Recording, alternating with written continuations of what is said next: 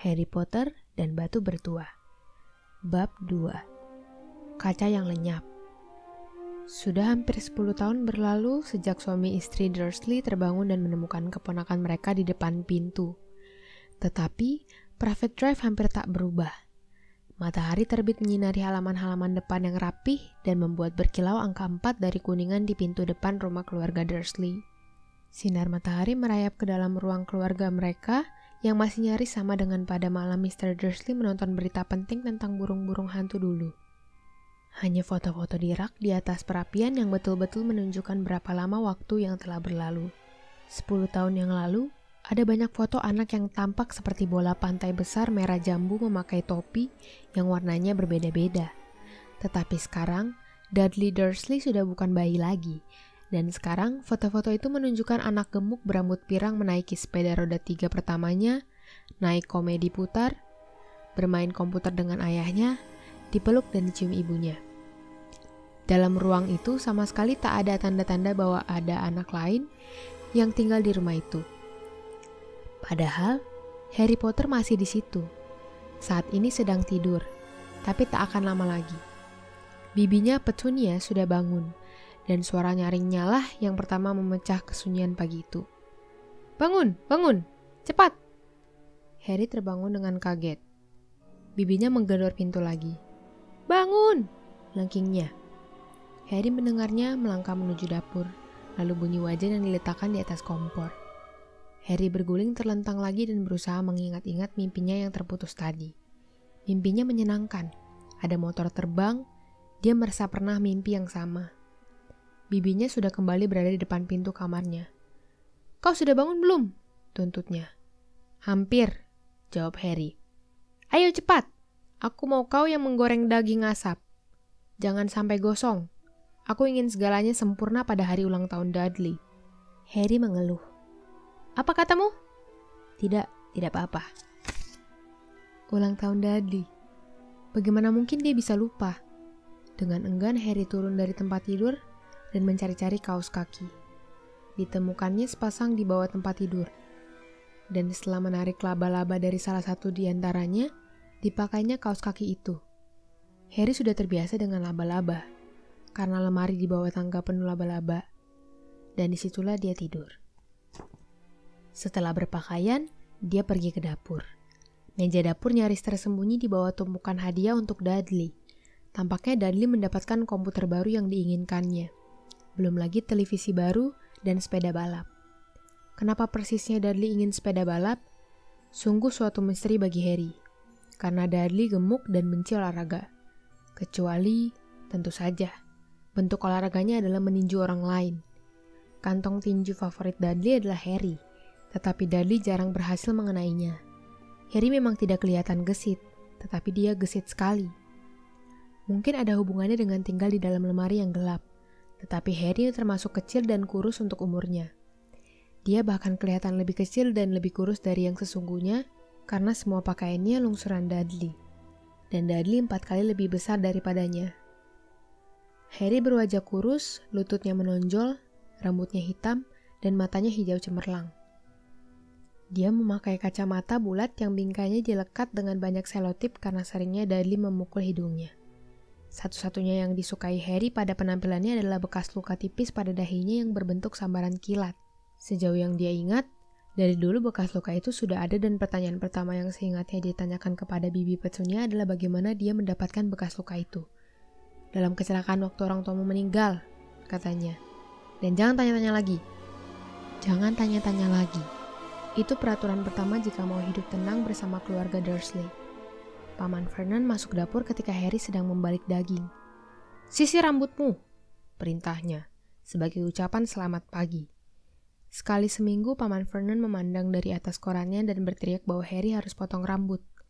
Harry pastilah sudah potong rambut lebih sering dibanding seluruh teman sekelasnya sekaligus. Tetapi sama saja, rambutnya tetap saja tumbuh begitu berantakan. Harry sedang menggoreng telur ketika Dudley muncul di dapur dengan ibunya. Dudley mirip sekali dengan Paman Vernon. Wajahnya lebar dan merah jambu. Lehernya pendek, matanya kecil, biru, berair. Rambutnya yang tebal pirang menempel rapi pada kepalanya yang gemuk. Bibi Petunia sering mengatakan bahwa Dudley kelihatan seperti bayi malaikat. Sedangkan Harry sering mengatakan Dudley seperti babi pakai wig. Harry menaruh piring berisi daging dan telur di meja. Ini susah karena nyaris tak ada tempat. Dudley sementara itu menghitung hadiah. Wajahnya langsung cemberut. 36, katanya sambil memandang ayah dan ibunya. Kurang dua dibanding tahun lalu. Sayang, kau belum menghitung hadiah Bibi March. Lihat, ini dia di bawah hadiah dari Mami dan Daddy. Baik, 37 kalau begitu, kata Dudley yang wajahnya sudah merah. Harry yang sudah bisa menduga kemarahan Dudley akan meledak cepat-cepat mengunyah dagingnya. Siapa tahu Dudley akan menjungkirkan meja.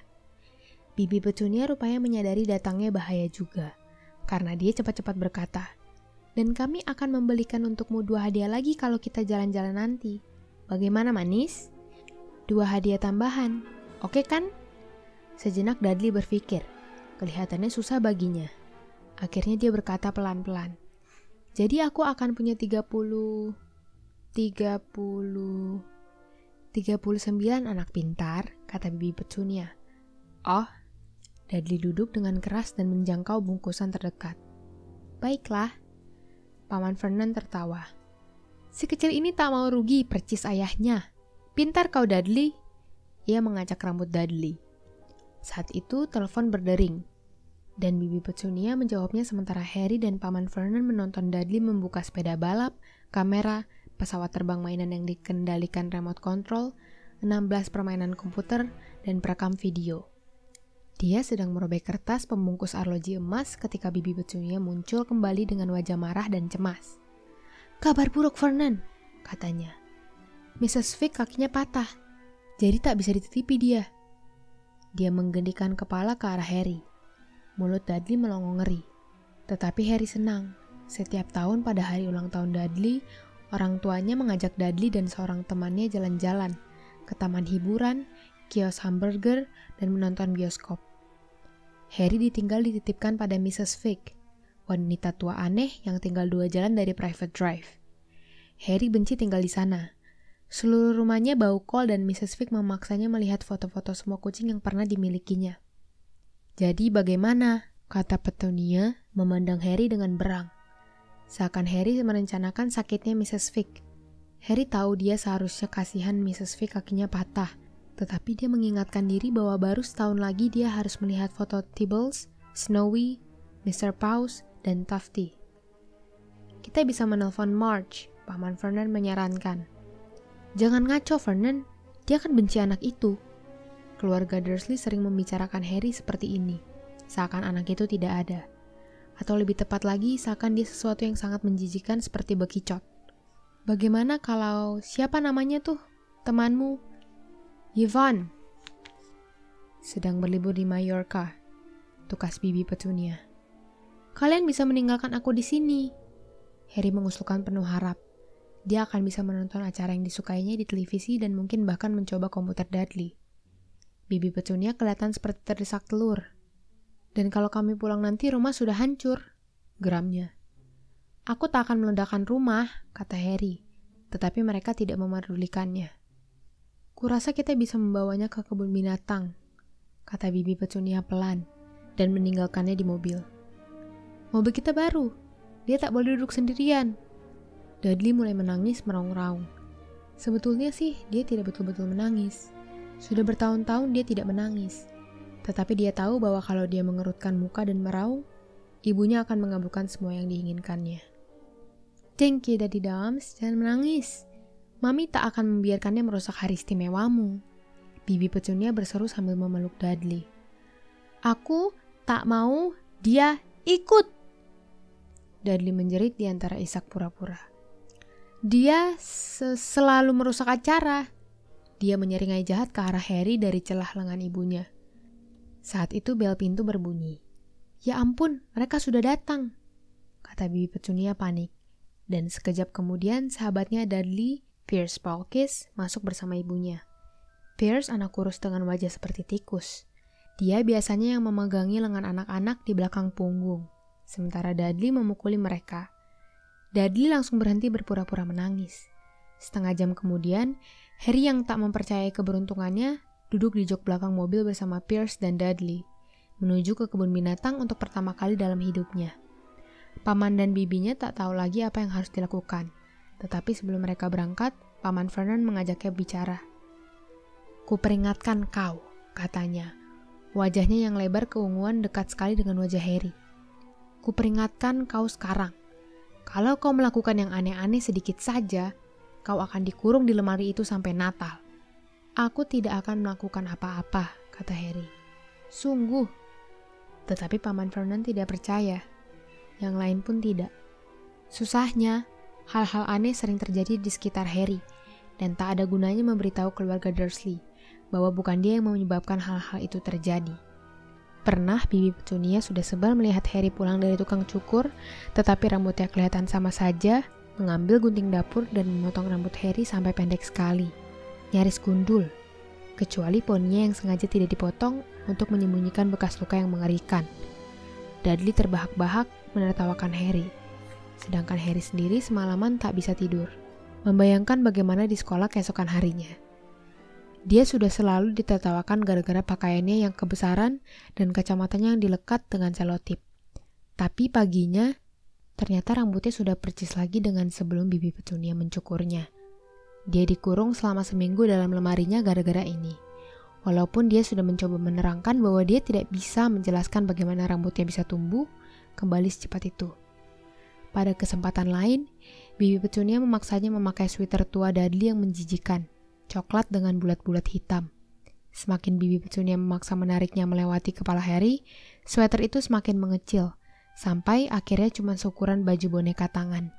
Dan jelas tak akan cukup dipakai Harry. Bibi petunia memutuskan pastilah sweater ini mengerut ketika dicuci. Dan betapa leganya Harry, dia tidak dihukum karena ini.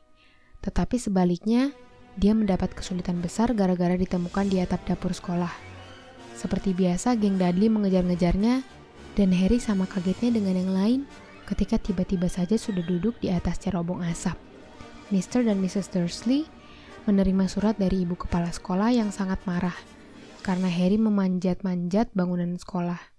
Tetapi sebetulnya yang dilakukannya hanyalah seperti diteriakannya kepada Paman Vernon dari dalam lemarinya yang terkunci. Melompat ke belakang tempat sampah besar di luar pintu dapur.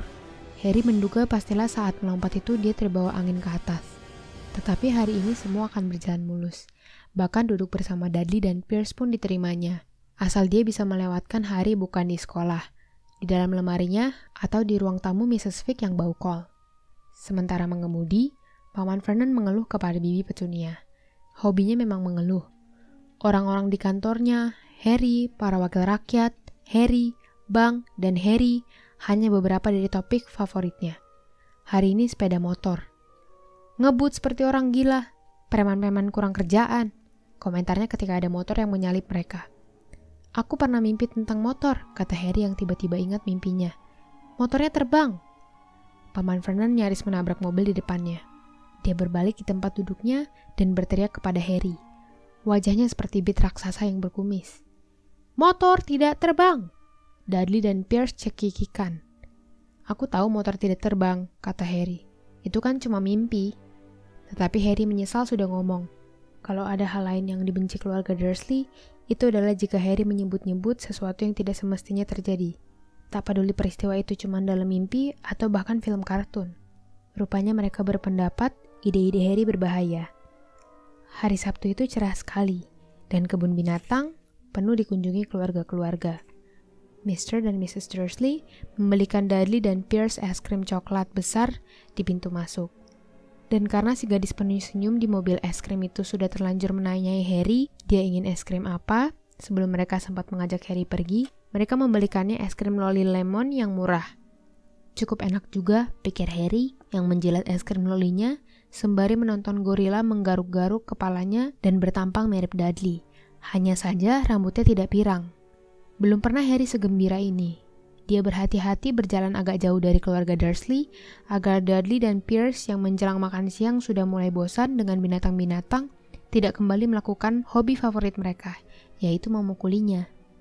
Mereka makan di restoran kebun binatang, dan ketika Dudley marah-marah karena es krimnya kurang besar, Paman Vernon membelikannya porsi yang lebih besar, dan Harry diizinkan menghabiskan pesanan pertama. Harry belakangan merasa bahwa seharusnya dia tahu hal menyenangkan seperti ini tak mungkin berlangsung terus. Setelah makan siang, mereka mengunjungi rumah reptil. Di dalam rumah reptil, sejuk dan gelap, dengan jendela-jendela berlampu di sepanjang dinding. Di balik kaca, berjenis-jenis kadal dan ular merayap dan melata di atas potongan-potongan kayu dan batu. Dudley dan Pierce ingin melihat kobra besar beracun dan sanca raksasa yang bisa meremuk manusia. Dudley segera menemukan ular terbesar di tempat itu. Ular itu bisa membelitkan tubuhnya dua kali ke mobil paman Vernon dan meremuknya seperti kaleng kerupuk. Tetapi saat ini kelihatannya dia sedang malas. Sebetulnya dia malah sedang tidur nyenyak. Dudley berdiri dengan hidung menempel di kaca, memandang gulungan coklat berkilat itu. Suruh dia bergerak, rengeknya pada ayahnya. Paman Vernon mengetuk kaca, tetapi si ular diam saja. Ketuk lagi, Dudley menyuruh. Paman Vernon mengetuk keras dengan buku-buku jarinya. Tetapi si ular tetap saja tidur. Sungguh membosankan, keluh Dudley. Dia pergi. Harry ganti bergerak ke dekat kaca dan memandang si ular lekat-lekat. Dia tak akan heran kalau si ular mati karena bosannya. Tak ada teman selain orang-orang bodoh yang mengetuk-ngetuk kaca, mencoba mengganggunya sepanjang hari. Ini lebih parah daripada menggunakan lemari sebagai kamar tidur. Dengan satu-satunya pengunjung adalah Bibi Petunia yang menggedor-gedor pintu untuk membangunkannya. Paling tidak dia kan bisa ke bagian rumah yang lain. Ular itu tiba-tiba membuka matanya yang seperti manik-manik. Pelan, sangat pelan. Ia mengangkat kepala, samai matanya sejajar dengan mata Harry. Mata itu mengedip. Harry terbelalak. Kemudian dia cepat-cepat memandang berkeliling untuk memastikan tak ada yang melihat. Ternyata memang tak ada. Dia kembali memandang si ular dan balas mengedip juga. Si ular mengedikan kepala ke arah paman Vernon dan Dudley. Kemudian mendongak ke langit-langit. Pandangannya kepada Harry seakan jelas berkata, Sepanjang waktu memang seperti itu. Aku tahu, gumam Harry lewat kaca. Meskipun dia tak yakin si ular bisa mendengarnya. Pastilah sangat menyebalkan. Si ular mengangguk-angguk bersemangat. Kau berasal dari mana sih? Tanya Harry. Ular itu menggerakkan ekor ke arah papan kecil di sebelah kaca. Harry membaca tulisannya. Boa pembelit, Brazil. Enakkah di sana? Si boa pembelit menunjuk dengan ekornya ke papan lagi, dan Harry meneruskan membaca. Ular yang ada di sini dikembangbiakan di kebun binatang. Oh, begitu. Jadi kau belum pernah ke Brazil? Saat si ular menggeleng, teriakan memekakan telinga di belakang Harry membuat mereka berdua terlonjak. Dudley, Mr. Dursley, sini lihat. Ularnya menggeleng-geleng. Kalian tak akan percaya. Dudley datang tergopoh-gopoh. Minggir kau, katanya sambil meninju dada Harry. Karena tak menyangka akan diserang, Harry terjatuh di lantai beton. Apa yang terjadi berikutnya berlangsung begitu cepat, sehingga tak ada yang melihat bagaimana terjadinya. Sesaat, Pierce dan Dudley berdiri menempel di kaca. Detik berikutnya, mereka melompat mundur sambil memekik ngeri. Harry duduk ternganga. Kaca bagian depan kandang si ular telah lenyap. Ular raksasa itu membuka gulungan tubuhnya dengan cepat, meluncur di lantai. Para pengunjung rumah reptil menjerit-jerit panik dan berlarian ke pintu keluar. Saat si ular meluncur cepat melewatinya, Harry bersedia bersumpah dia mendengar suara desis pelan berkata, Brazil, aku datang segera. Trims, amigo. Si penjaga rumah reptil shock dan bengong. Tapi kacanya, katanya terus menerus. Ke mana kacanya? Direktur kebun binatang sendiri yang membuat secangkir teh kental manis untuk bibi petunia sambil tahan tintinya minta maaf. Pierce dan Dudley cuma bisa merepet.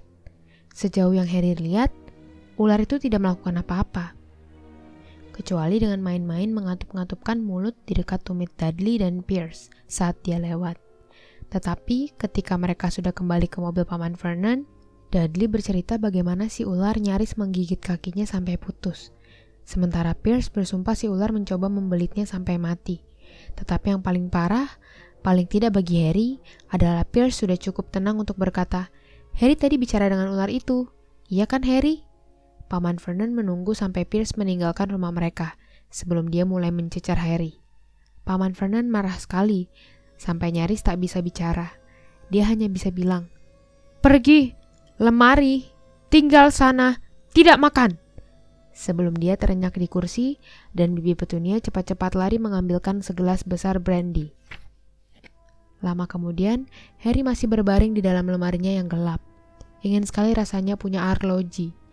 Dia sama sekali tak tahu jam berapa sekarang, dan dia juga tidak yakin keluarga Dursley sudah tidur. Sebelum mereka tidur, riskan sekali jika dia keluar dan mengendap-endap ke dapur untuk mengambil makanan. Dia telah tinggal bersama keluarga Dursley selama 10 tahun. 10 tahun penuh penderitaan. Sejauh yang dia ingat, sejak dia masih bayi dan orang tuanya meninggal dalam kecelakaan mobil. Kadang-kadang, jika dia mengingat-ingat dengan keras selama jam-jam panjang membosankan di dalam lemari, muncul dalam ingatannya pemandangan yang aneh. Kilat cahaya hijau menyilaukan dan rasa sakit panas di dahinya. Dia menganggap ini pastilah saat tabrakan terjadi, walaupun dia tak bisa membayangkan dari mana cahaya hijau itu muncul. Dia sama sekali tidak bisa mengingat orang tuanya. Paman dan bibinya tidak pernah bicara tentang mereka, dan tentu saja dia dilarang mengajukan pertanyaan. Tak ada foto orang tuanya di rumah keluarga Dursley. Waktu dia masih lebih kecil, Harry sering menghayalkan ada keluarga tak dikenal yang datang untuk membawanya pergi. Tetapi ini tak pernah terjadi. Keluarga Dursley adalah satu-satunya keluarganya. Meskipun demikian, kadang-kadang dia merasa atau berharap orang-orang asing di jalan mengenalnya, dan mereka juga orang-orang asing yang sangat aneh. Pernah seorang laki-laki kecil memakai topi ungu membungkuk kepadanya ketika dia sedang berbelanja dengan Bibi Petunia dan Dudley. Setelah dengan marah menanyai Harry apakah dia kenal orang itu, Bibi Petunia buru-buru mengiring mereka keluar dari toko itu tanpa membeli apa pun. Seorang wanita tua bertampang liar dan berdandan serba hijau melambai dengan riang kepadanya dari bus. Seorang laki-laki botak memakai mantel panjang ungu, bahkan menjabat tangannya di jalan kemarin dulu, kemudian pergi begitu saja tanpa mengatakan apa-apa. Yang paling aneh tentang orang-orang ini adalah Tampaknya mereka langsung lenyap begitu Harry ingin melihat lebih jelas. Di sekolah, Harry tak punya teman. Semua anak tahu bahwa geng Dudley membenci Harry Potter yang aneh dengan pakaian bekasnya yang kebesaran dan kacamatanya yang bingkainya patah. Dan tak seorang pun berani menentang geng Dudley.